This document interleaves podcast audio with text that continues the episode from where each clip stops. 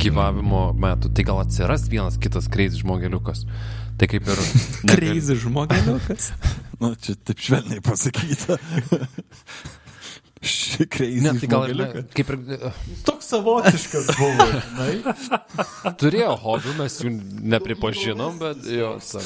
Nu, mes daug nekalbam apie jį per giminės susitikimus, mes ir nebekviečiam. Sveiki, įsijungę laidą Proto Pemza. Podcastas, kuris yra kaip pirmas vanduo trečią joninių dieną. Su jumis iš šiaurės miestelio Vilniuje, 140 km nuo Punsko, sveikinasi aistringas Andarokų anihilatorius Aivaras, Labas. pusnuogis pageidavimų pareigūnas Povilas Labą dieną. bei viliotinio virtuozas Vilius. Sveiki, sveiki, sveiki. Ir aš, techniškai Tomas. nu, nu paklausk. Tomai, ar mes šiandien kalbėsime apie abiejų tautų respubliką? Ne. Šiandien šnekėsim apie geriausių tautų respubliką. Tiksliau, šnekėsim apie Radvilas, apie giminę, katrai davė pasauliui iškiliausių mecenatų ir bjauriausių padugnių. O jei dar tiksliau, šnekėsim apie vieną 18 amžiaus didiką. Ką esat girdėję apie Radvilas? O kad Radviliškis yra jų miestas, esu girdėjęs. Kad buvo purvinai turtingi ir labai daug nekilnojamo turto turėjo. Čia pasirodyt norėjo, ne iš karto, ne tai, kad pradėkim toliau. Oi, žinau visą istoriją. toliau. Ne, ne, aš šiaip klausiu. Aš O, o apie kurį amžių kalbame? Aš žinau, kad jie gyveniavosi su kita dinastija, tik tiek. Šitą tai tikrai žinojau kažkaip a, labai random vienu metu kažkur radęs. Karolina Bouvier, kuri buvo žinoma kaip Lee Radzivill vėliau. Ir jinai buvo jaunesnioji tokios Jacqueline Bouvier sesuo, kuri mums labiau visiems yra pažįstama kaip Jackie Kennedy. Kenedienė. Taip. Kai mums kalba dažniausiai apie Radvilas, tai aš iš tiesų, jeigu prisimenu savo mokyklą, tai yra pristatomi, na, kaip tokie valstybės žmonės, tai yra žmonės, tai tokia dinastija, kuri iš tiesų padarė daug, kuri, na, tokia iškili buvo. A, ten ir buvo tas berots juodasis, Mikalojus Radvila juodasis, taip, kuris Ir, ten ir rudasis Ke- buvo. Rudasis ten, kur keliavo, visa kita, ir valstybės žmonės buvo ir panašiai. Ir tu tada supranti, kiek tas visas su kažkoks idealizavimas tokių dinastijų yra visiškai kvestionuotinas labai, nes, na, Bet žinai, kiekviena uh, turtinga šeima, kiekviena bet kokia šeima tikriausiai turi savo tų juodųjų, baltųjų varnų. Taip. Lietuvos, Lenkijos, Ukrainos, Baltarusijos ir kitų tautų bendra valstybė buvo geriausių tautų respublika už tai, kad įmumi davė istorijų tokių kaip šita, su tarpusavį kovojančiom aristokratų šeimom, su negailestingais galvažudžiais, sekso skandalais, išsigimusią politinę sistemą ir filosofinę religinę potekstę. O jos centre Mitskė dėvintis, plėšikam vadovaujantis išprotėjęs alchemikas Martynas Mikalojus Karolis Radvila. Šita istorija guli kryžum ant pilvo ir apsižlumbus maldauja, kad iš jos padaryt filmą arba serialą. Yra tokia gera, kad kažkas turėtų parašyti scenarių. Žinot, aš net galiu pakonsultuoti. Šiaip aš galiu parašyti. Nedalink nemokamų idėjų Tomui. Prikalbinot. Parašysiu. Ar bus kraujo ir brutalizacijos? Bus daug kraujo ir dar daugiau brutalizacijos. Ir šiek tiek ugnies.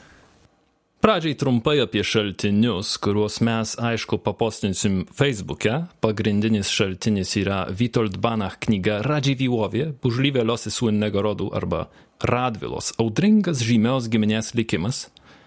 Edvardo Kotlubajaus knyga Radvilos, šiek tiek pirminių šaltinių, tai yra Brastos Kašteliono Martino Matuševičiaus dienoraštis, žurnalas Movie Vieki bei keletas straipsnių internete.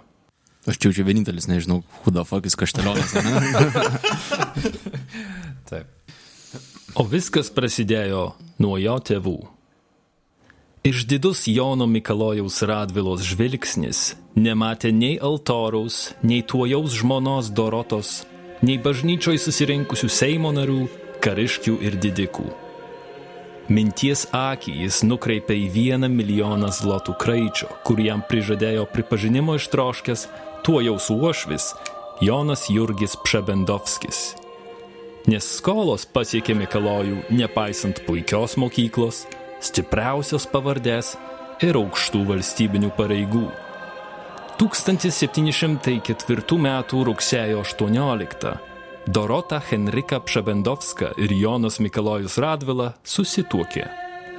Jaunoji turėjo nešti vieną milijoną zlotų kraičio, lygiai tiek, kiek vyrui reikėjo išmokėti skolas. O jaunasis turėjo legitimizuoti aristokratijos akise Jurgį Pšebendovskį, kuriam vis trukdė saliginai kukli kilmė, nepaisant karaliaus ministro kėdės.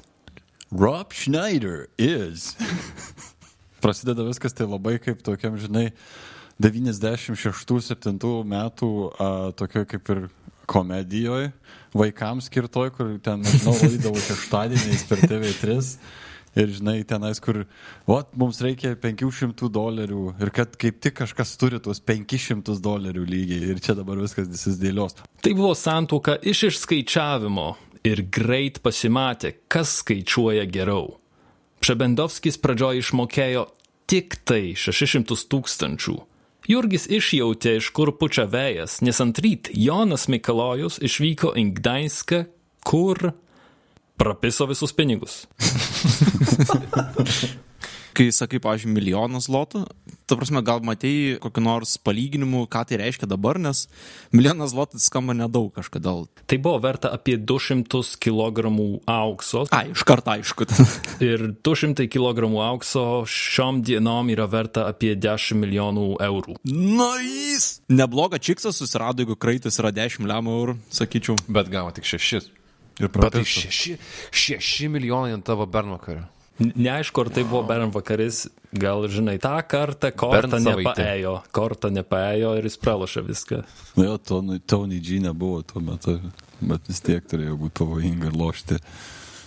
Neišmokėta kraičio suma sukėlė konfliktą tarp Jono ir Uošvio, o Dorota tapo vyro įkaitę. Jonas užgauliojo, apgaudinėjo, mušė ir kankino savo žmoną. Viena vertus, kad priverst Pšebendovskį išmokėti likusią sumą, kita vertus, nes Jono Kazimiero galvoj it chrizantema pavasarį pumpuravo psichinė lyga. Kokia laiminga santoka, ne? Jo, viskas atrodo veikia kaip turi būti. Laiko aukštuomenės klasika. Jis klasta privertė žmoną pasirašyti dokumentą, kur jinai atsisako kraičio. Kalino ir mušė tarnus, kurie nenorėjo meluoti apie Dorotos neištikimybę. O ką darė žmonai, pasitelkime betarpišką liudininką, Radvilų maršalkos kronikininką Redendą Mušinskį. Vieną kartą ekskrementis ant viso veido ir ponosių ją ištėpliojo, dėl ko apėmė ją vomitorija ir vos mirties išvengė. Redendas rašė taip pat apie barnį dėl neišmokėtų pinigų.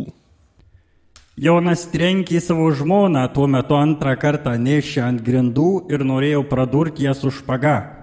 Na, žinai, pradurimo špagom toks įprastas dalykas, kad e, O tai čia tas, šiaip tai dėl to tepliojimo ten, nu, kasdieniai tepdavau, ar čia šiaip keistas klausimas apskritai. klausimas.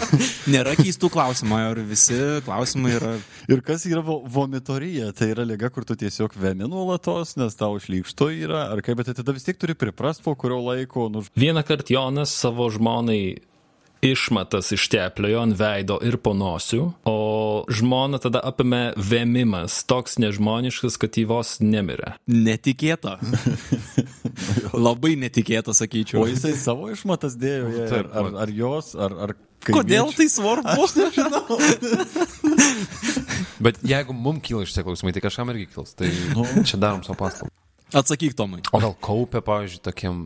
Nu, o, šita, šitas tai stiklai. Man purse nešiojas. Nu, jeigu prireiktų. Labai tikėjausi, kad knygoje bus iliustracija ir bus aišku. Bet nebuvo, negaliu tą atsakyti. Ne, ai, ok. Man bus labai įdomu pamatyti, kaip šita scena bus atvaizduota Tomo ekranizacijoje iš tikrųjų. Taip. Man atrodo, su spec efektais. O čia tikrai netikros išmatos. Manoma, kad būtent dėl šito incidento antras jų vaikas, Juozapas Albrechtas, mirė tuoj po gimimo. Dorota maldavo pagalbos iš tėvo, taip pat daugiau nei kartą bėgo iš namų ir slapstėsi vienuolynuose. Pšebendovskis, pasveras visus pliusus ir minusus, nusprendė maksimaliai prailgyti sąsajas su stipriausia geriausių tautų respublikos pavardė. Trumpai tariant, Klecko nesvyžiaus dvaro ponas Jonas ir jo žmona Dorota kūrė patologinę šeimą. Man vis tiek vat, nėra aišku. Turime aukštuomenę, aukštuomenės ratus ir visi žino, kad na, vienas pagrindinių tos aukšt... vienos didžiausių šeimų atstovas yra šūdus tepliojantis maniakas. Ir tai neturėjo jokio teisiamojo požiūrio iš aplinkinių didikų, neturėjo jokio vertinimo, nieks nežinojo apie tai, ar kaip. Mm. Kuo baunau? Ta prasme, kaip turėjo tas tėvas reaguoti, kai jo dukra pasako, kad, žinai, šūdus teplioja ant manęs. Tai čia tėvas, tai Jonas buvo susijęs giminės ryšiais su visos Europos didikais ir politikais svarbiais. Asmeniškai pažinojo ir buvo geras draugas Prancūzijos karaliui, turėjo barnį su Prūsijos karaliu. Tai žodžiu, čia buvo tiesiog labai daug politinės valiutos verta pavardė. Ok, supratau. Tai dėl neišmokėtų 400 tūkstančių JAV zlotų jis susipyko ir tepliojo šūdai savo žmoną. Taip, čia vienintelė priežastis, dėl ko. Svarbiausia priežastis yra, kad jis buvo psichiškai nesveikas. Šitas dalykas turi priežastį kažkokią, aš manau, kad čia... O tai ne taip šeima veikės. Jonas, Jonas buvo kaip uh, kalėdų senis, tik tai, kad vietoj daly dovanas jis ėmė skolas. Turėjo Ir problemų. aš nežinau, koks kalėdų, nežinau, koks kalėdų senis yra Lenkijoje, bet, bet nėra, šūdai panosim dažniausiai nėra, tai su kuo asocijuojasi. Anglį gauni šiais laikais, jeigu blogai elgysi. Ai, ok, civil, civilizuotai. Tada Elinis Rudnosiukas truputį kitaip a, atrodo. Pas tą senį. Bet čia nėra pagrindinis mūsų istorijos veikėjas, čia yra tik tai aplinka, į kurią jis gimė. Martynas bendravo su iškiliausiais Prahos, Vienos ir Amsterdamo mokslininkais, bet vakarų Europoje jis surado kažką žymiai vertingesnio - normalybę. Antiek, kiek ji buvo pasiekiama, pasakiškai turtingam tėvų neprižiūrimam niolikmečiai mokslo kelionėje. Tačiau išmokęs griežt smuiku, įsigilinęs į anatomijos, medicinos ir fizikos paslaptis, bei atsiveręs kitoms egzotiškoms idėjoms, jis buvo pašauktas tėvynyn. Visų pirma, kad priimt karaliaus Augusto III raikytojo titulą. Visų antra, kad susituokt. Raitytojo ar raikytojo? Laikytojo. Raikytojo. Raikytojo. Taip. Aš kiek žinau, Augustas III praktiškai labai buvo atitolęs nuo visų valstybės reikalų, tai kam jam reikėjo dabar ten kažką skirti. Raikytojo titulas buvo simboliškas jau tada. Ta prasme, jis atsirado 12 gal amžiui ar 13. Iš pradžių tai buvo tiesiog žmogus, kuris padeda paruošti stalą karaliui. Vėliau tapo simbolinis ir aukštuomeniai tai buvo kaip pirmas karjeros laiptas, titulas dėl titulo, bet jis atveria tau duris kitoms svarbesniam pareigybėm, kurios kažką iš tikrųjų reiškia. Ai, ok, tai čia nebuvo realiai valstybės pareigos, tai buvo tiesiog e, Albertui, Augustui tiesiog patiko tas berniukas prisimokęs egzotiškų šūdo tepimo paslapčių, viskas aišku.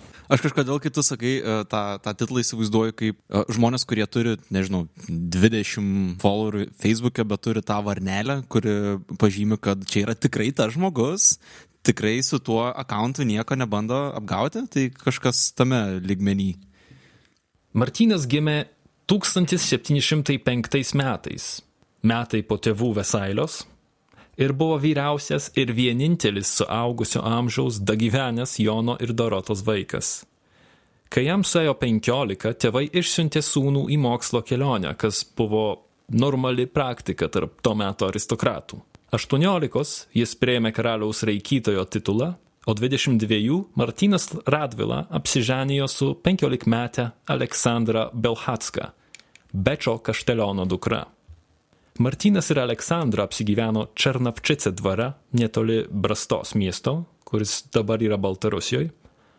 O po dviejų metų mirė Jonas Radvila. Tai Martynas tapo šeimos galva ir perėmė visas valdas.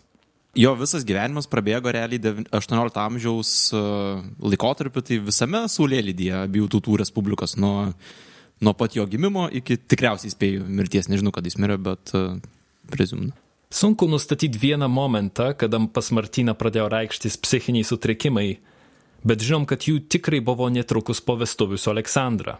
Nes blogio šaknys karčios, bet vaisiai netoli krenta nuo obels. Masterstvo, Tomai. Žodžiu kalvis. tai tėvas buvo psichiškai nesveikas ir sunus irgi pradėjo uh, sirgti su, su galva kažką. Taip. Martynas, patapęs Klecko nesvyžiaus dvaro savininku, tuoj pat įsakė įkurti laboratoriją. Dar vaikystėje atsiradęs pomėgis eksperimentam ir mokslui dabar turėjo progą nevaržomai vystytis. Tad Radvila pilnai atsidavė 18 amžiaus mokslų karalieniai - alchemijai. Oh my goodness. Radvila ištisas dienas praleisdavo savo dirbtuviai, darydamas cheminius eksperimentus, studijuodamas anatomiją, bet didžiausiu tikslu laikė filosofinio akmens paieškas. Pati alchemija nebuvo labiau būdinga būtent viduramžių laikui, ne vis dar buvo išplėtota ir 18 amžiui, bandė paversti tenais akmenį į auksą ar dar kažką. Taip, tie du žymiausi alchemijos tikslai tai buvo pavers, nežinau, ar tik tai šviną ar bet kokį metalą į auksą ir sukurt išminties akmenį, kuris turėjo suteikti žmogui nemirtingumą, nu ir padėti su tuo auksu. Bet aš įtariu, kad alchemija tai buvo tiesiog chemija su daug, daug, daug alkoholio. Ir sutapimas, kad Radvilų herbas man labai primena kažkurį herbą iš Hario Poterio. Ar ne? O, tai tada viskas susideda. Tačiau tarp šito rakto ir raikytojo stovėjo dvi kliūtys - šeima ir religija. Aleksandros likimas buvo kaip iš pasakos.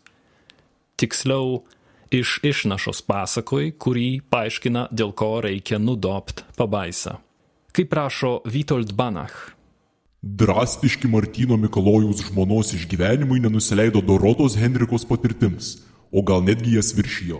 Raikytojas savo žmonai grasino nuodais ar kitą mirtim, o be to keletą kartų vos net svetimiems prie savęs išprievartauti įsakė. Tokios bausmės priežastimi turėjo būti prašymas palaisvinti mylužę. Prašymas palaisvinti meilužę? Taip, ką reiškia palaisvinti meilužę?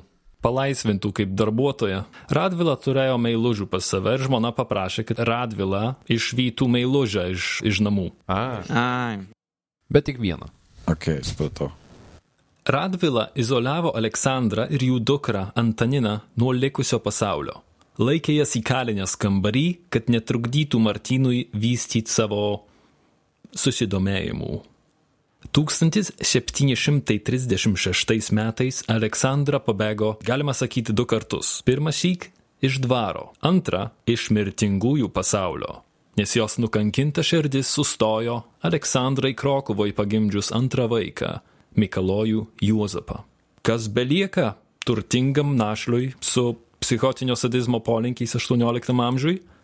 Jei nesusirast antrą žmoną.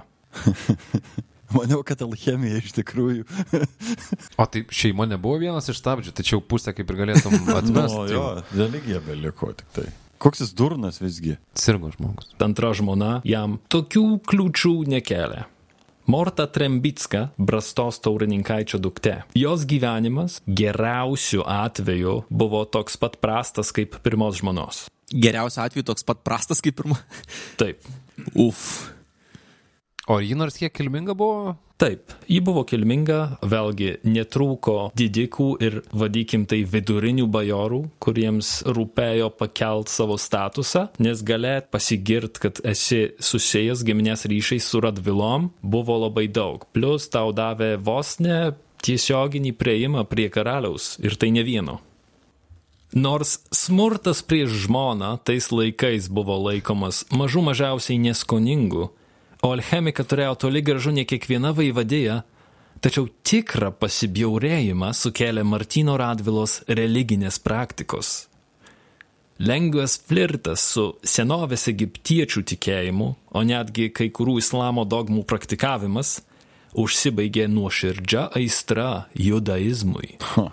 Kaip rašo Edvardas Kotlubajus, Ėmė įsivaizduoti, kad geriausias yra žydų tikėjimas ir rimtai nutarė tapti žydu. Pasamdė hebrajų kalbos ir judaizmo dogmų mokytojus, savo dvarė apgyvendino vien žydus, pašalino iš jo krikščionis ir pedantiškai laikėsi šabo bei košero. Žydai tvarkėsi jo valdose kaip nuo savose. O kodėl judaizmas? O jis ir apsipjaustė save, pavyzdžiui, nėra kažkur metraščiuose šito, jeigu jis taip labai norėjo, nes turbūt jeigu būtų išgirdęs apie šitą, tai turbūt būtų susimastę šiek tiek. Kas žino, ką jis laikė tuose stiklainiuose savo laboratorijoje. Jam atrodė, kad žydai geriausiai yra įvaldę alchemiją, turbūt dėl to. Toks tada keistas argumentas, kodėl jam geriausias uh, yra judaizmas. Pragmatiškai labai pažiūrėjo šitą dalyką. Jeigu tikėsiu tuo, e, pasieksiu geriau karjerai. Mm. Tai vėliau ten nupjausim, ką reikia. Palauk. Pirmą rezultatai, po to jau.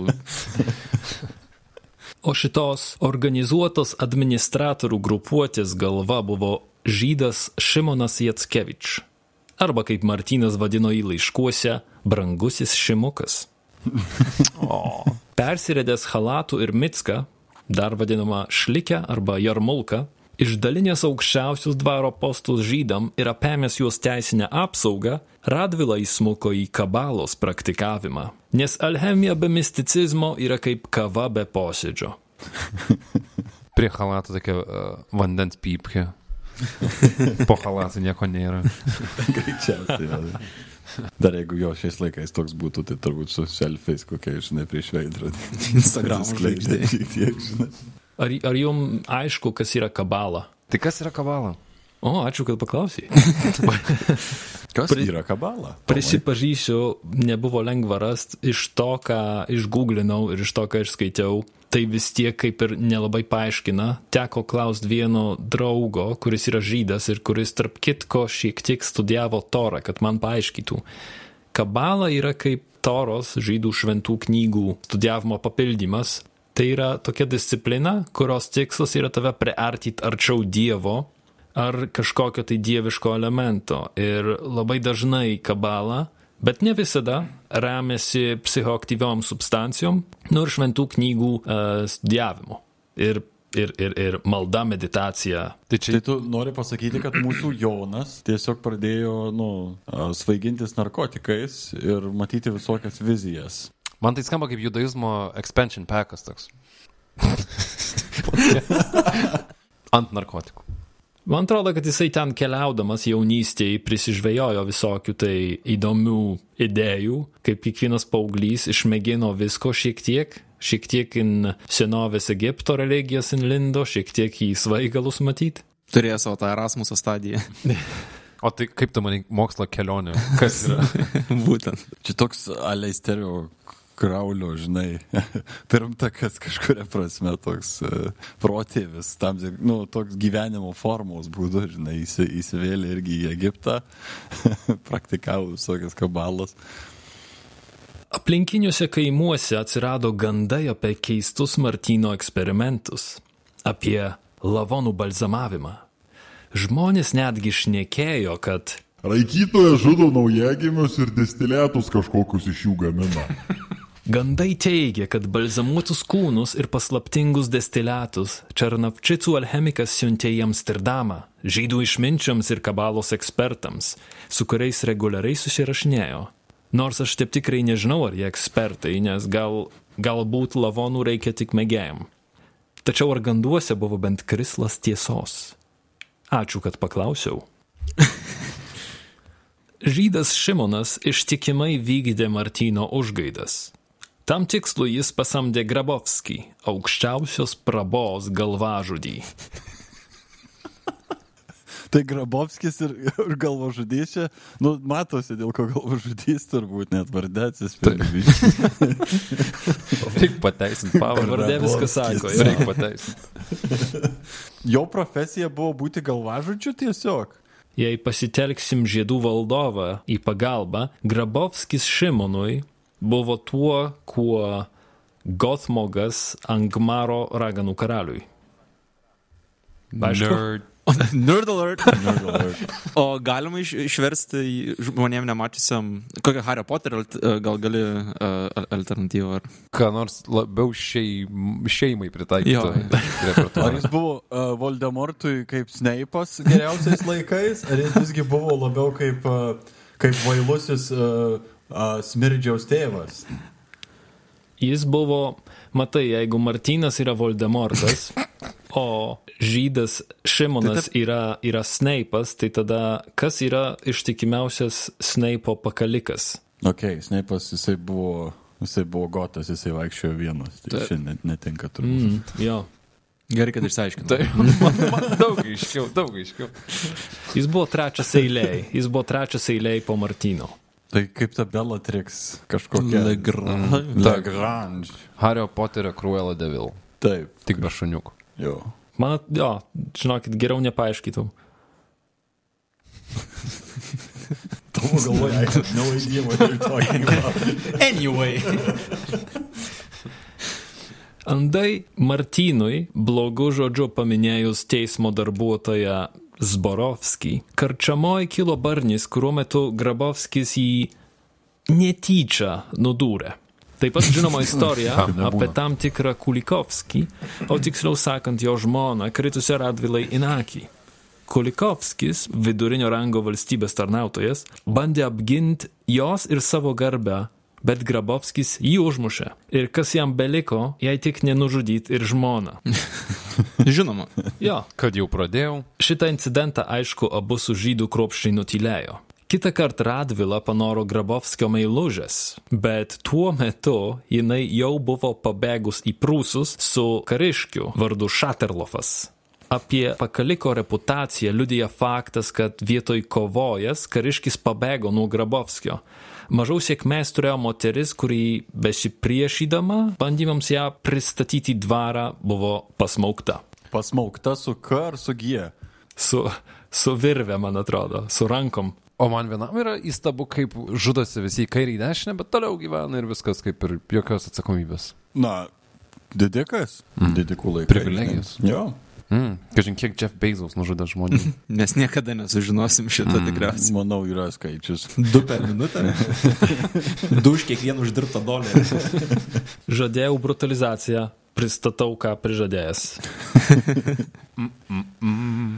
Eskaluojanti raikytojo psichozė ir sadizmas, it iš vienišo tojtojaus muzikos festivalį pradėjo lietis už dvaro sienų.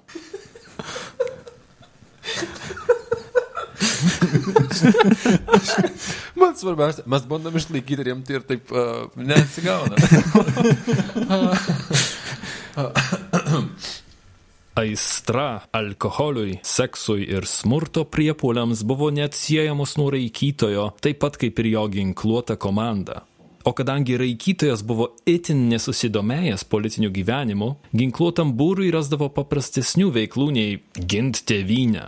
Vitold Banach žodžiais. Jie sėjo siaubą Lietuvoje, puolė ir degino dvarus, plėšikavo keliuose, grobė žmonės ir juos kalino.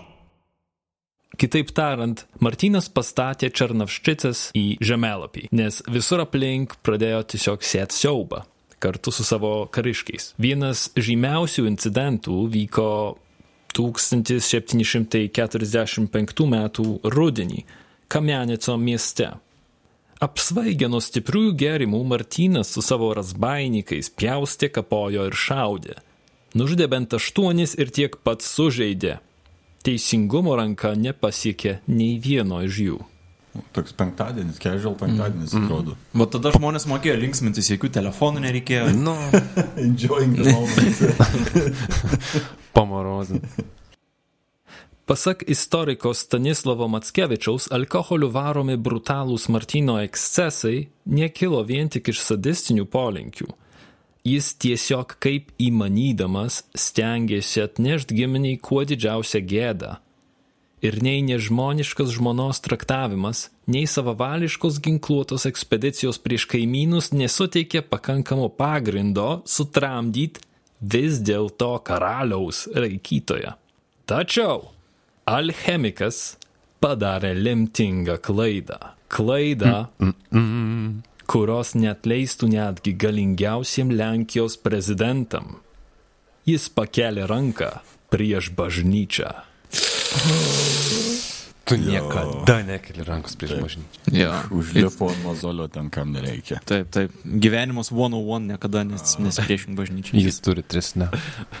Nei supančiotos rankos, nei nežinomas kelias negazdino Suzino tiek, kiek raikytojo pakaliko rankose blizgantis pištalietas. Karieta rėdėjo visą dieną ir gerokai sutemus, o klasta pagrobtas kunigas tyliai svarstė savo likimą. Nejaugi tam bedieviui nieko nereiškia klebono pareigybė. Kiek laiko prabėgs, kol Suzino giminės ar Kletsko parapiečiai sužinos, kas įvyko ir svarbiausia, ką Radvila planuoja daryti su juo toliau.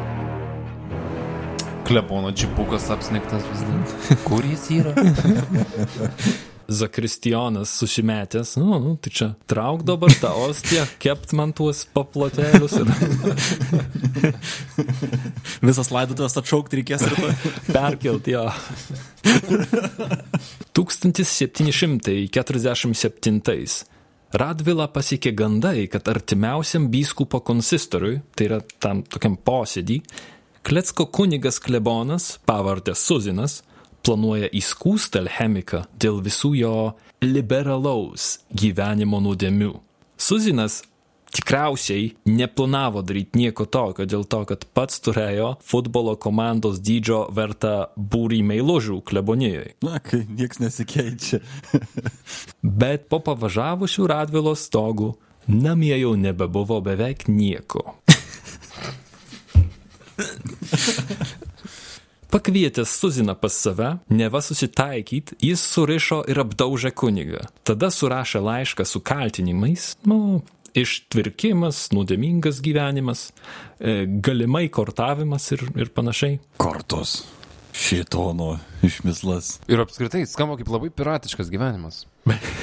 Tik su daug pinigų jau turint iš karto. Ir juokingesniam kepuriam. Ar, ar teisingai supratau, kad jis pirmą sumušė kleboną, o po to sėdo laišką rašyti? Nu, sulaikė už ką. Ai, ai. Čia sumušimas. Aš maniau, kad čia- sulaikymas. Ai, ok, maniau, kad to paties vakaro įvykiai, kai tu su, sumuši kleboną, tada jį sumušęs eini susirašyti nuodėmės, kokias padarai. Ir... Nu, tu kitą rytą nueini pas tą Zakristijoną, išsipasako ir viskas. Mielas dienoraštis. Jo, jis surašė laišką dėl to, kad pats nevažiavo. Jis davė savo pakalikam, kad jį išvežtų į Vilnių, Vilniaus vyskupui ir pats liko savo dvare. Ok, tai jis iš jo nelabai lyzdavo, kaip suprantu, žinojau, kad ne. Jo, nemėgo, nemėgo iš ten važiuoti, nebent su savo ginkluota komanda. Žodžiu, kai Suzinas buvo pristatytas Vilniaus vyskupui Zenkevičiui, jis išsik išlaisvino Suziną, o Martyną Radvilą įskundė karališkajam tribunolui. Iš visų tribunolų karališkas yra čempionų lyga. Raikytojo nelaimiai incidentas įvyko prieš pat Brastos Seimelio susirinkimą, o jame dalyvavo ne tik įtakingi Suzino giminaičiai, bet ir kiti didikai, kuriuos Martynas užpuolė, kuriems sudegino valtas ar kurių žmonų garbę įžeidė. Šūdas smogė ir galiui ir giminę ištiko viešųjų ryšių mešlo tsunami. Bet taip greitai labai viskas susi... Nuėjau šiknon, tik užminė bažnyčią ant mozolio ir viskas, ta prasme. Jis rinko tas nuodėmes ir nuoskaudas, bet e, didikams jie nesusitelkdavo į vieną būrį, kad imt ir kažką su šitom padaryti. Visos radvilų giminės Donas, Lietuvos didysis Etmonas Mykolas Kazimiras Radvila, buvo priverstas reaguoti ir gelbėti radvilų vardą. Jis pažadėjo karaliui sutvarkyti reikalą ir areštuoti pusbrolį. Bet sudėtinga situacija reikalavo neeilinio žmogaus. Ir štai tobulas kandidatas operacijai pasisiūlė pats. Nes, kaip nepasakė Nyčia, jei bijai, kad kovodamas su pabaisa, pats tapsi pabaisa, į kovą išsiųsk bestiją. Tai pats e, MK Radvila taip pat buvo toks jau truputėlį pavažiavęs, taip? O ne, ne, ne, ne, ne. Mikalojus Kazimiras Radvila buvo bendrai mėgiamas, jis buvo nekompetitingas galbūt, galbūt labai turtingas ir atitrūkęs nuo kabutėse paprasto žmogaus gyvenimo, bet jis buvo toli gražu nuo pabaisos. Vos slėpdamas susijaudinimą, jis nuskubėjo į dvarą. Mintyse jau dėliojo planą, pro kur įsiverš, kokią ginkluotę suruoš ir kiek vyrų pasims. Juk taktika ir ginkluotė buvo jo specialybė. O visoji ATR nieks neturėjo geriau parengtos kariuomenės. Jis visada žinojo, kad anksčiau ar vėliau tiek mielam broliui, didžiajam Etmonui Mykolui, tiek pačiam karaliui prireiks Jeronimo Floriano Radvilos pagalbos. Apie Jeronimą Florianą daugiausiai pasako faktas, kad tai jis vos netapo šito epizodo pagrindinis herojus. Lik iš to paties kamieno išaugus Martino karikatūrą, savo psichozę ir žiaurumą jis apredė šaltos disciplinos rūbų. Vienas turtingiausių GTR magnatų su daug žemės ir manufaktūrom, Jeronimas nemokėjo mokesčių. Nemokėjo, nes galėjo. Niekas nedrįso vykdyti teismo nuosprendžio žmogui su didžiausia kariuomenė visoje valstybei. Blaivininkas, tris kartus žanotas, dvi pirmos pabėgo, o trečia mirė, kadetų ir baleto mokyklų steigėjas ir žiaurus, žiaurus žmogus. Bet taigi baletų mokykla steigė, nu kur jau ten žiaurumas dabar. Mecenatas. O tu matei, ką daro tom mergaitėm baleto mokyklose? Mes labai mėgstam peikt ir piktintis Kinijos olimpinių atletų mokyklom, bet patys baleto mokyklose Europoje šitą jau kelišimtus metų praktikuojam. Ne atletų mokyklos, atletų stovyklos tam labiau. Kaip rašo Kotlubajus, Savo apsaugos kapitoną Maršytą tik už lėtą įsakymų vykdymą nuteisė iki gyvos galvos kalėti sukaustytą geležiniais pančiais. Savo dvaro tarnautojus, kurių ne vienas buvo pasiturintis bajoras, dažnai baudė rykštėmis. Tad nieko nuostabaus, kad jo kariuomenėje buvo daug dezertyrų, o žmonės jo nekenti. Nekartą į patiekalus jam buvo dedamos susmulkintos stiklo, o sykį kepinėje buvo rastas didelis smeigtukas. Wow, kaip supras, kad tavęs tikrai nemėgstu. Jo, toks uh, gan aiškus ženklas. Nu, visi, tai kaip Kievo kotletas, valgyk, valgyk, valgyk. Bet, uh, bet, Įdomus toks. bet šiuo atveju tai netrodo, kad jis buvo kažkuo žiauresnis uh, nei daug Pagrindinis. panašių Ai. didikų pan, tuo metu Europoje, galbūt dirbę su panašiais žmonėmis. Ne, nu, ta prasme, nu, jau supančiojo jis ten į, į, į tas grandinės, bet uh, juk, ne, nu, nežinau, nepas, ne, netrodo, kad buvo pasižymėjęs kažkokiu ypatingu, nežinau, būdu žiaurumų ar darymų dalykų specifinių, kad jisai tokią antipatiją būtų nusipelnęs. O kur tavo kartelė? Yra, kas jau yra ypatingai Ne, žiaurus? vat, turime mūsų pagrindinį herojų Joną. Taip, Jonas jo vardas. Tai, e, Martynas. Tai jisai pakankam. Ai, jo. Kažkas neklausė. Ir, nei- ir nei vienas nepataisom. Aš klausiau, nes aš prieš tai klausdamas ir klausiau apie Joną. Tai aš maniau, kad Jonas. Uh, Martynas, gerai. Martynas Mikaloj. Tai Martynas, man atrodo, yra daug aukštesnė tokia kartelė. Nu, ta prasme, tai yra žmogus, kuris turi sadistinių polinkių. Čia netgi, sakyčiau, nėra kažkokia tai lygos labai jau tenais tokį požymį. Tai yra tiesiog kažkoks sa- sadistinis žmogus, nu, sadizmo pilnas žmogus. O tai kas tada su tuo ironimu buvo ne taip? blaivininkas. Nelies mūsų butelių. Ai, nu jo, šitas jo, jeigu jis neleido gerti visiems, tai jo, čia galėjo. E, galėjo Jis buvo, šiaip tai jis pridarė daug daugiau dalykų. Pavyzdžiui, net leisdavo dezertyriams, vėjosi juos, ko juos sugaudavo. Vieną kartą du kariškiai pabėgo, nes negalėjo išlaikyti tiesiog tos disciplinos. Ir jie bėgo į Prūsiją, buvo berots riterų luomo, vėlgi ne pats žemiausias. Tai Jeronimas išsiuntė 2,5 tūkstančio kazokų, kad sugautų tuos du dezertyrus į O, svetimą okei. valstybę. Ir tada, kai jūs sugavo, tai jūs tiesiog pakorė prie kelio. Iš karto. O, ok. Tai čia atskira visai įdomi istorija, jo irgi labai tokia atrodo. Bet matai, kiek jis blaivus, tai kiek pykčio tu turi savyje ir tos pas discipl- disciplinos turėti, nes uh, Martynas, kaip aš supratau, per pusę čia šitų nuotykių buvo gatavas.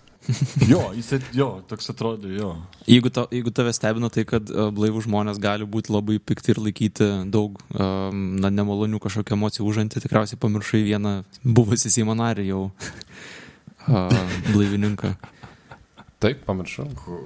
Ramūnas. O, A, čia galima eiti ir toliau. Aš girdėjau, kad a, vienas toks a, veikėjas vardu Adolfas taip pat buvo blaivininkas. Šiaip jau, tai, a, Mhm. Tai galima būti blaiviam, bet labai piktam. Na, tai tai greičiausiai, tikriausiai dėl to ir esi. piktas, Greičiausiai neretai jo yra daug pykčio dėl to, kad tu esi blaivus iš tiesų. Pavyzdžiui, jisai dažnai surinkdavo savo kariuomenę, išsivesdavo tą kariuomenę ir nusivesdavo ją prie svetimų valstybių sienos, prie Turkijos ar prie Austrijos, tik tai tam, kad tos valstybės sureaguotų, siūstų oficialius e, pareigūnus, diplomatus su klausimu, kas čia vyksta, čia mes karai ruošiamės ar, ar ką. Sveiki. O po to, stebim, o po to stebimasi, kad kažkas sugalvoja, kad reikia padalinti tą ir jeigu tu tavo kariai laiks nuo laiko e, nuvaro prie sienos tik tai tam, kad pagazdintų, tikriausiai reikia tikėti. Sekmadienio pikniką. Jo, jo, jam tik dėmesio reikėjo. Šašlykų išsikepsim. Bet aš kaip suprantu, tuo metu prie Augusto trečiojo tenais buvo nemaži, nu tokie bandymai pastarojo to, to karaliaus kariauti su turkais ne visai sueina galbūt su tuo, kad jisai galėjo taip taikiai prie tos sienos nueiti ir sėdėti tenais. Jeigu, nu, Augustas tenais bandė nulatos kažkaip kariauti, aišku, nesėkmingai, tai dar yra nuostabiau, kad neišpjovė Radvilos ir jo visų būrių tenais. Turėkim omeny, kad čia yra antras karalius po Jono Sobieskio, kuris sudaužė turkus vienui. Tai buvo dar ta gyva atmintis ir, ir, ir noras kariauti ir, ir vienoje ir kitoje barikadų pusėje. Bet Jeronimas jis buvo nesusidomėjęs politika, jis, jis mėgo turėti kariuomenę dėl galios jausmo, dėl prestižo, bet ne tam, kad ją naudot uh, valstybės gynybai. Pavyzdžiui, vieną savo tarnų, e, kažkokį tai mužiką, jis apdovanojo kabutėse pilim, davė jam pastatą kaime e, su tarnais jo ir tada žaidė karo žaidimus su tuo tarnu žaidė diplomatinius žaidimus, kur vienas kitą, vienas kitą titulavo valdovų, karalių, siuntė diplomatus viens kitam ir tada oficialias karo deklaracijas. Tada Jeronimas pasieteidavo su kariuomenė, laimėdavo karą, parsivesdavo tą tarną kaip karo belaisvį ir, ir tada visą ciklą kartodavo kelis kartus. Jis loždavo civilizationą tik tai su savo tarnais, jo? Ta Nu, čia, čia, čia, a- aš sakyčiau, kad čia netgi toks, žinai, tipo, a, tokių a, kartais moksliukų, žinai, kaip larpas toks, žinai, pasidaryti. tu, pagonių karaliau, aš tave nugalėsiu. Jo, ir čia yra tik tai vienas iš, nes šiaip tai jis buvo keistas žmogus, labai e, tikėjo prietarais, turėjo švento Andraus, noriu sakyti, apsiaustą ir trindavo į savo kaktą, kai jam skaudėjo galvą, nes tikėjo, kad jam padės. Kas žino, gal ir padėjo. Labai įdomi persona, atrodo. Ir, ir turėjo savo biologinių ypatumų, arba kaip jį vadino, panoptikono kolekciją. Pavyzdžiui, laikė užmarinuotą spiritę drakoną, koks tai buvo gyvūnas, nežinau. Ir visiems rodė, kad jis turi irgi sloikę už, užsuktą baziliską. Kaip antroji Harry Potterio daly, ne, berots. Aha. Toks fantasy RPG žaidimo herojus, man jisai. Jeronimas buvo taip pat žinomas dėl savo mikčiojimo. Reikalavo iš tarnų besąlygiško paklusnumo, bet nemėgo, jeigu jie tą paklusnumą per stipriai rodė. Yra žinomas vienas epizodas su, su tokiu pareigūnu, kaip aprašo Vitold Banach. O ko, ko, ko, kodėlgi jūs taip paskui ma- mane vaikštot? Noriu būti visą laiką matomas ir visuomet jūsų paslaugoms, mano valdove. Išgirdęs tokį atsakymą, Jeronimas įsakė pakart pareigūną po bromų. Dabar visą laiką bus mat matomas. Tam, tam tokas bairis. jo. Čia kur praktiniai bairiai per toli eina. Blogiausias pasaulyje bosas, tikrai, nu, ta prasme. Aš tik dar noriu pasakyti vieną dalyką. Įsivaizduot, kaip sunku jo kompanijoje nežūt. Nes vis, vis, visi veiksniai yra prieš tave. Jis mikčio, nori žvengti, kaip ir čia nesijokinti žmonių, kurie mikčia, bet nori juoktis, tada kaip ir nori vaidinti lojalų, bet ne per daug lojalų. Tai ten yra toks mažas tarpas, kas ir kuo tu gali būti, kad tu liktum gyvas. Jo, jo, ir tas toks, a, e, tipo, a, kai jam per daug rodo paklusnumą, jam nepatikdavo, žinai, bet va turėjau atskirai kažkokį mužiką, kuriam namą nupirkęs ir kuris turėjo jam visada pasiduoti, žinai, nu toks labai, Sounds like a fun guy. labai. Gerai. Metų darbdavys. Su tokiu CV paskui visur gali ra- darbą gauti. Nu jo, karo vadas, o, edukatorius. Ne, bet jeigu pas jį atidirbęs esi ten savo kadenciją kokią, tai tikrai visi žino, kad tu uh, gali iš, išpildyti bet kokį. Taip, nes gyvas. Jeigu jau tai kito darbo ieškoti, tai Horrible bosses.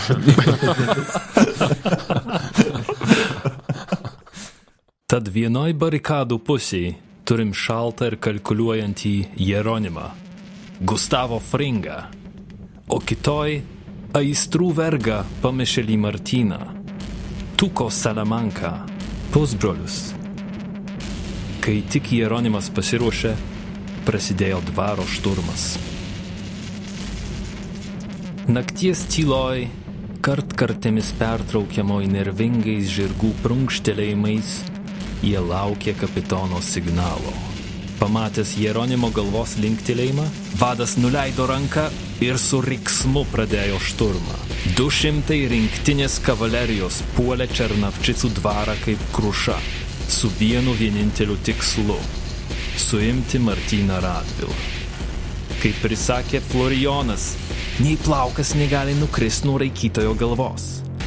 Bet Martynas nesiruošė palengvinti jiem užduoties. Raitelius pasitikė su dviem pistoletais rankose. Mexican stand-up. Jo, toks. O kaip dviem bičiam išsiunčia pustrečio tūkstančio žmonių, o vienam tik tai du šimtus? Jo, rimtai. Jo, čia Ar čia visi- Na, giminė, visą kitą. Ai, tai dėl to. tas, tas šiek tiek. Man tai šiaip įdomu, kaip turėjo būti uh, tam pačiam vienam iš tų kariuomenės vadų, kai, kai linktelėjo galvą Jeronimas, kad kažką daryti ir jisai su riksmu pradėjo. Ir įdomu, ar tas riksmas buvo baimės, kad jisai kažkaip ne taip pradėjo pult, ar tai buvo iš tiesų karo riksmas, žinai. Ir, Bet... Kur Jeronimas, žinai, galėtų sakyti, ne, per garsiai, pakarsiai. Ir laukia jau kitas eilė, kad uh, jo pavaduotojas. O ki, Martinas buvo vienas ar su kažkiek svitos savo? Martynas turėjo kažkiek tai tarnų, kažkiek pakalikų, bet visas Jeronimo planas remiasi surprizo elementų. Turėjo neišgirsti, nepamatyti jų iki pat paskutinės akimirkos, dėl to pasėjome tik tai, kabutėse, 200 raitelių, bet tai buvo patys patys geriausi jo kareiviai. O pats tuo metu sėdėjo karietoj ir laukė, kol viskas bus padaryta. Kad buterbrodų pasidarė, žinai. Moterų mušeikos garsėja savo drąsos ir kovingumo trūkumu. Todėl Belos Podlaskos komandosams alchemiko nuginklavimas ir suėmimas buvo šuns papas. Ale baisiausi nakties įvykiai dar nesibaigė. Jeronimas, atvykęs į užimtą dvarą ir perskaitęs pusbroliui karaliaus nuosprendį, įsakė apieškot visą valdą. Atverus Martino žmonos kambaro duris, juos pasitiko išmatų, vemalų ir kitų kūno išskyrų smarvę. Bajoraitė Morta Trembicka su savo vaikais buvo priversta valgyti, miegot ir tuštintis toj pačioj mažytei patalpoj. Kaip barakė visai. Bet, tu- Tomai, tu taip pingpongini, kuris blogesnis? Ar Jeronimas ar Martinas, nes čia toks, Ar geras, ar marčius. taip, turnyras, vat, o kuris labiau? O kaip pamatuot? Kvapu? Nežinau. Martynas tikrai buvo geriau išsimokslinęs, tai nežinau, kas blogiau, ar, ar Čingis Hanas ar atominės bombos išradėjas. Taip, bet gal kuris labiau nuspėjamas? Turbūt tas, kuris mažiau geria. Turbūt jo. Nu, bet Jeronimas nelaikė žmonių uždaręs kaip, e, kaip gyvulių tvarte, kas, nu, irgi. Bet laikė, taigi- žmonių sugauti. Nu, kariuomeniai reikia griežtai tvarkytis, čia kaip sako. Na, tai, taip, taip, Čia dėl pačios kariuomenės, gerai? Taip, Čia viskas reikia- dėl jūsų taip. pačių. Čia dėl, Taip. dėl valstybės saugumo visą kitą, o čia šiuo atveju turim a, savo šeimą, kur yra laikoma kaip, na, tiesiog kaip keulės tvarte. Jeronimas šiaip turėjo gana ekstensyvų kalėjimą savo valdose ir kalinius vadino savo paukšteliais. Klausykit, kaip jie gėda. Tik kaip Dracula. Listen to them, children of the night. Nulipę į laboratoriją. Tarp retortų biurečių, įvairių įrankių, tarp lentynų ir krauju išpurvyto stalo, kariškiais rado stiklainių su naujagimiais. Tai medicinoje tai būtų vadinama stiklainiai su vaisiais, turbūt. Ja, kad ir kaip pavadintum, tai pagadintum. ta Taip, prasme. taip, taip. Ir vėl svarstyklės pereina į Martyno pusę. Jau, tai jisai buvo toks uh, proper, nu, neserinių žudikų nepa, nepavadinčiau, Ne, bet... Uh, Mengelė. jo, Jo, visiškai. Fucking krypsteris. Pala, pa, pažiūrėkim, ką Jeronimas su tais stiklainiais padarė. Gal jis laimė šitą turnyrą. Įtariu, kad bent vieną pasiliko, nes kaip ir kolekcija jau buvo pradėta. Ai, nu jo, šalia bazilisko ir drakono. O gal iššauks. Galėjau pasakyti, kad ten koks milžinas. Ankstyvas tamagočias.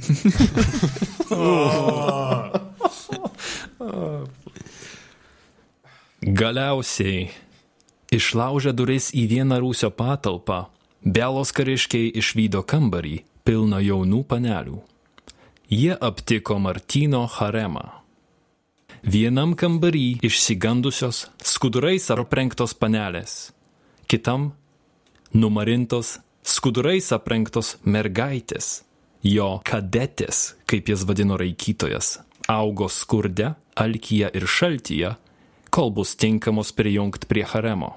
Iš kur jis jas gavo? Ta prasme, tiesiog, aš nežinau, kaip tais laikais dal- dalykai vykdavo, tai nu, nusipirko kažkur ar pavogė iš kaimiečių, ar nėra tiesiog informacijos apie tai, nes skamba kaip daug, daug piktų žmonių turėtų būti dėl dingusių dukrų. Bet gal dėl to ir neišvykdavo iš savo namų jis. Nes už namų sienų visi nelabai sutinka į šiltai. Mergaitės viena po kitos ėmė pasakot, kaip pakliuvo į tą pragarą. Kai kurias Radvila, nužiūrėjęs savo valdose, pasiemė, kitas nusipirko iš motinų. Nusipirko iš motinų. Taip, Tai kokia, kaip, kaip tai visą tai turėjo apskritai? Draugas klausė. Ne, nepamirškim laikotarpio. Tipo, ką, duosiu penkias keulės, ar, ar aš nesuprantu. Pagalvo, kaime koks turėjo būti skurdas ir galbūt tas tavo mažiausiai mėgstamas vaikas. Pavers bent jau likusios šeimos. Tarsi, galbūt tai būdavo įvardinama kaip uh, jinai aukojosi dėl šeimos ir tai įvardinta kaip geras darbas. Plus, jeigu turi aštuonis vaikus, tai... e, Taip, tai... Uh, Septyni, aštuoni. aš čia nepateisinu vaikų pirkimo. Ne, ką. Ne, ne, aš, nieks jie- aš manau, kad visi supranta, kad ne, bet tai yra tiesiog šiaip nusipirkti vaiką ir, na, žodžiu. o vieną David Haradoko miesto klebonas pagrobė iš tėvų ir pardavė Martynui už 200 dukatų. Tai kas atitinka apie 36 tūkstančius eurų šiom dienom. Įsivaizduoju, kad šiais laikais panašios kainos iš tikrųjų, tai kažin ar daug kas keičiasi. Toyota Jaris tiek kainuoja. Žodžiu, kunigas pagrobė ir tada pardavė Martynui. Pala kunigas pagrobė mergaitę? Aš praleidau Tai šitą kunigas. Wow. Bet nedaug dievė bažnyčiai ką nors blogo dėl to pasakys, nes tada vysis ta. Šitam kontekste paaiškėja ir Martino santuoka su Morta iš prieš dešimt metų. Ji nuaidėjo skandalo, nes Mortai Trimbickai tada buvo vos 12 metų. Kūdikių kūnai, kuriuos taramai stiklainiuose laikė Martynas, buvo nesantuokiniai Radvilos vergių vaikai. Martynas Mikalojus Radvila buvo ne tik išprotėjęs sadistas, bet ir pedofilas. Oh, what a piece of shit. Man atrodo, kad uh, atributas nesantokiniai yra mažiausiai čia kažkoks blogiausia, ką gali apibūdinti apie tą stiklainį. O Morta buvo pirktinė sužadėtinė ir žmona, ar, uh, ar 12 metai jis pakerėjo savo...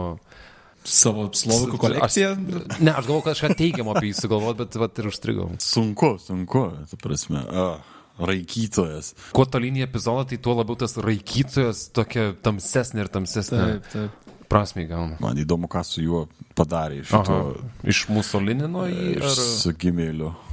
Nes jis, kaip suprantu, jis žinojo, kad tai, ką jis daro, tai nėra gerai, nes jisai slėpėsi nuo žmonių, mm -hmm. jisai slėpė tuos, tas mergaitės, merginas ir, nu, tai nebuvo, kad žmogus tiesiog visiškai nučiuožė nuo stogo ir nežino, kad čia jisai daro kažką blogo. Tai jis net kaip didikas, kuris vaikosi ir, ir, ir kaip didikas, kuris gali daryti, ką nori ir kuris žino, kad gali daryti, ką nori, jisai turėjo slėptis nuo tam tikros visuomenės moralės ar, ar teismo uh, akių. Taip, ir ne tik atslėptis, bet kaip ir uh, serinių žudikų, sekant tuos uh, pomėgius, tai užsidaryti Rusy, uh, komper... Blėtum, ne, neištariu žodžio, compartmentalize. Jo, atskirti, atskirti, a, ne, Jo, nu čia yra. O. O. Psichopatas tikrai. Čia net, net tas kalbėjimas apie, turbūt apie kažkokius tai mentalinius sutrik, sutrikimus šitoje vietoje man, nežinau, ar išteisintų bent dalį to, kas čia buvo paminėta. O ku- kuriais metais buvo šitas uh, Martynas su dviem ginklais ir uh, Jeronimas uh, kompanija? 1748. Tai va 1748, ar netrodo, kad laikotarpio įsivaizdavimas, ar čia tik taip mano galvo taip yra, to laikotarpio įsivaizdavimas man dar tamsiau viską a, padaro, kad tas Rusijas daug gražiau atrodytų 1925, o ne 1748. Viskas tiesiog daug tamsiau, nesteril... Nu, literaliai be elektros, ta prasme, Taip, žvakėm. Turbūt buvo, Wow. a, jeigu taip imant a, labai jau vaizdžiai, nu turbūt tai būtų vartas žmonėms. Bet įsivaizduoju tą baimės dydį. Iš karto į galvą ateina epizodas iš The Road, kai randa... Taip, taip, tų- O, tame name. Taip, čia tiem, kas nematė, tiesiog reikia pasižiūrėti tą The filmą. Road. E, Taip, a, ten yra vienas labai epizodas toks. su pašariniais žmonėmis. A, taip. Mm, tai aš galiu dar labiau būti traumuotas? Taip, taip. O, taip. Okay, gerai. Tam žmonių nėra. Ačiū. Jeigu nori traumuotis, tai visada kreipkis. Fiziškai.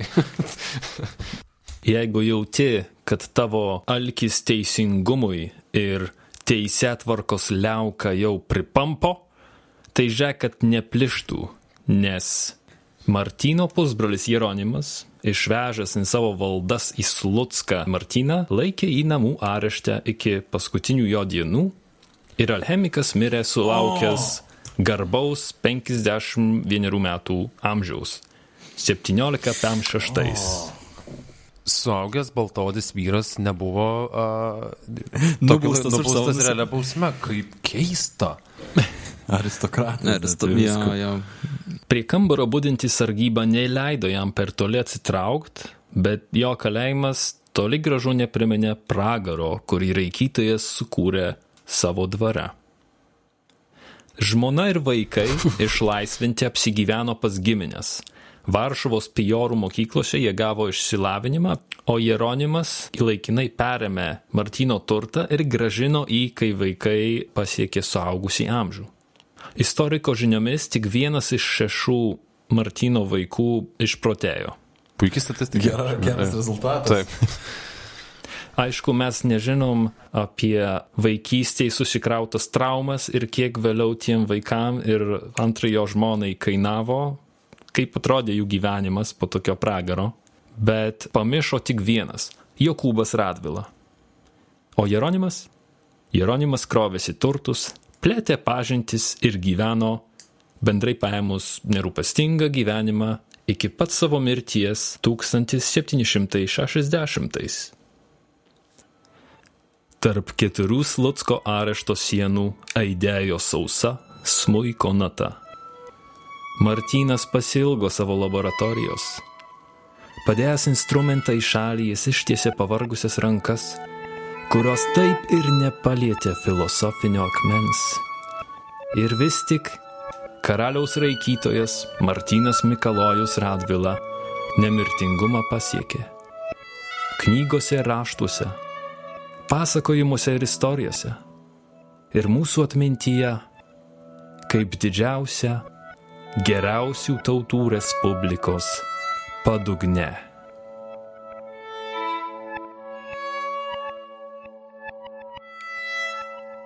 Liūd, liūdnai ploju.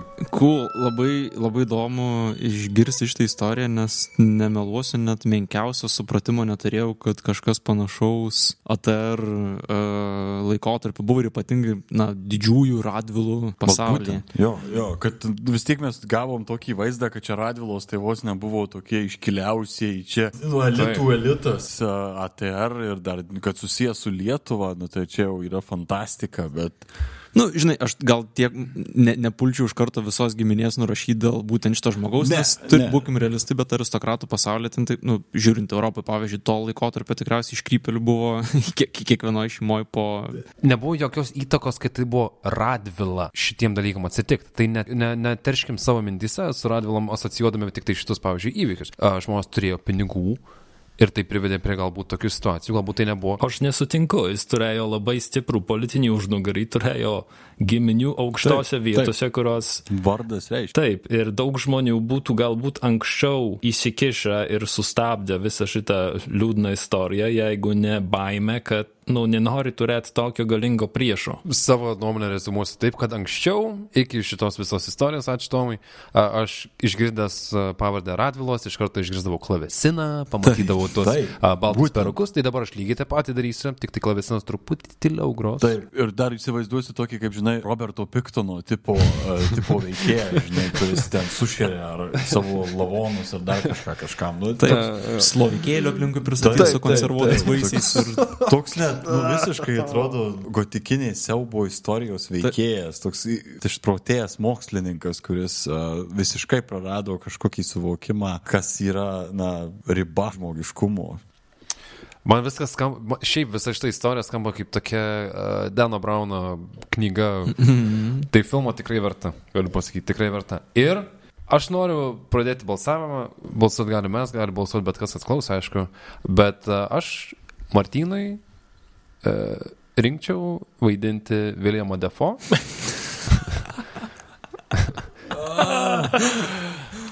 Ir jeigu Netflix klausosi, kuo aš beveik tikiu, Aš tai, uh, bet gal jo, gal jo dabar, kai pagalvoju, gal nėra blogas toks variantas. Uh, tiesiog. Taip, kas Jo, nežino tai Viljamo tą- Defo, gali bent Aš jau žinau, pagūglint. aš žinau, Ne, aš, ne, tai, aš kas kažkaip apie. Žerarą Departie galvoju. O, O tais rusiškais metais ar? Ar, ar tai yra mažo biudžeto telenovelė?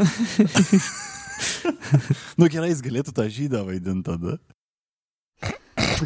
Išlyginu tavo default ir depardė ir, ir primetu savo Andrių Žebrauską.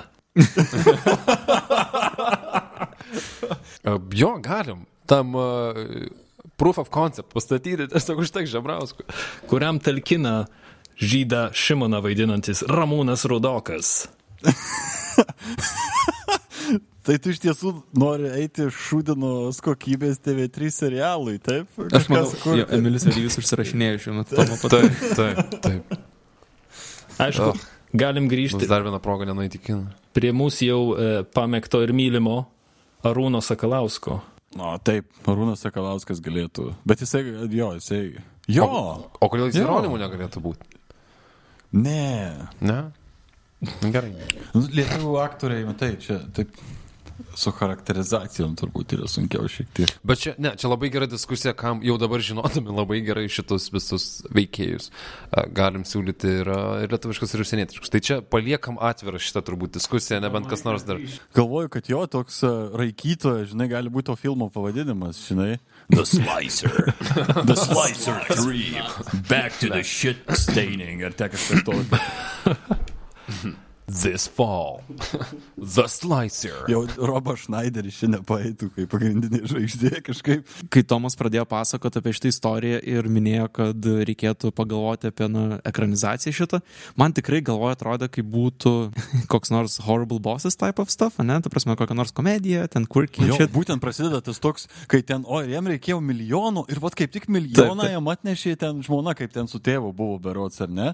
Tai tuo atveju tikrai man ir tas šovai, o, Rob Schneider. ir, ir, nu, tas toks visiškai labai komedija vos ne. Taip, o pasirodo, kad čia yra siaubo filmas. Tai.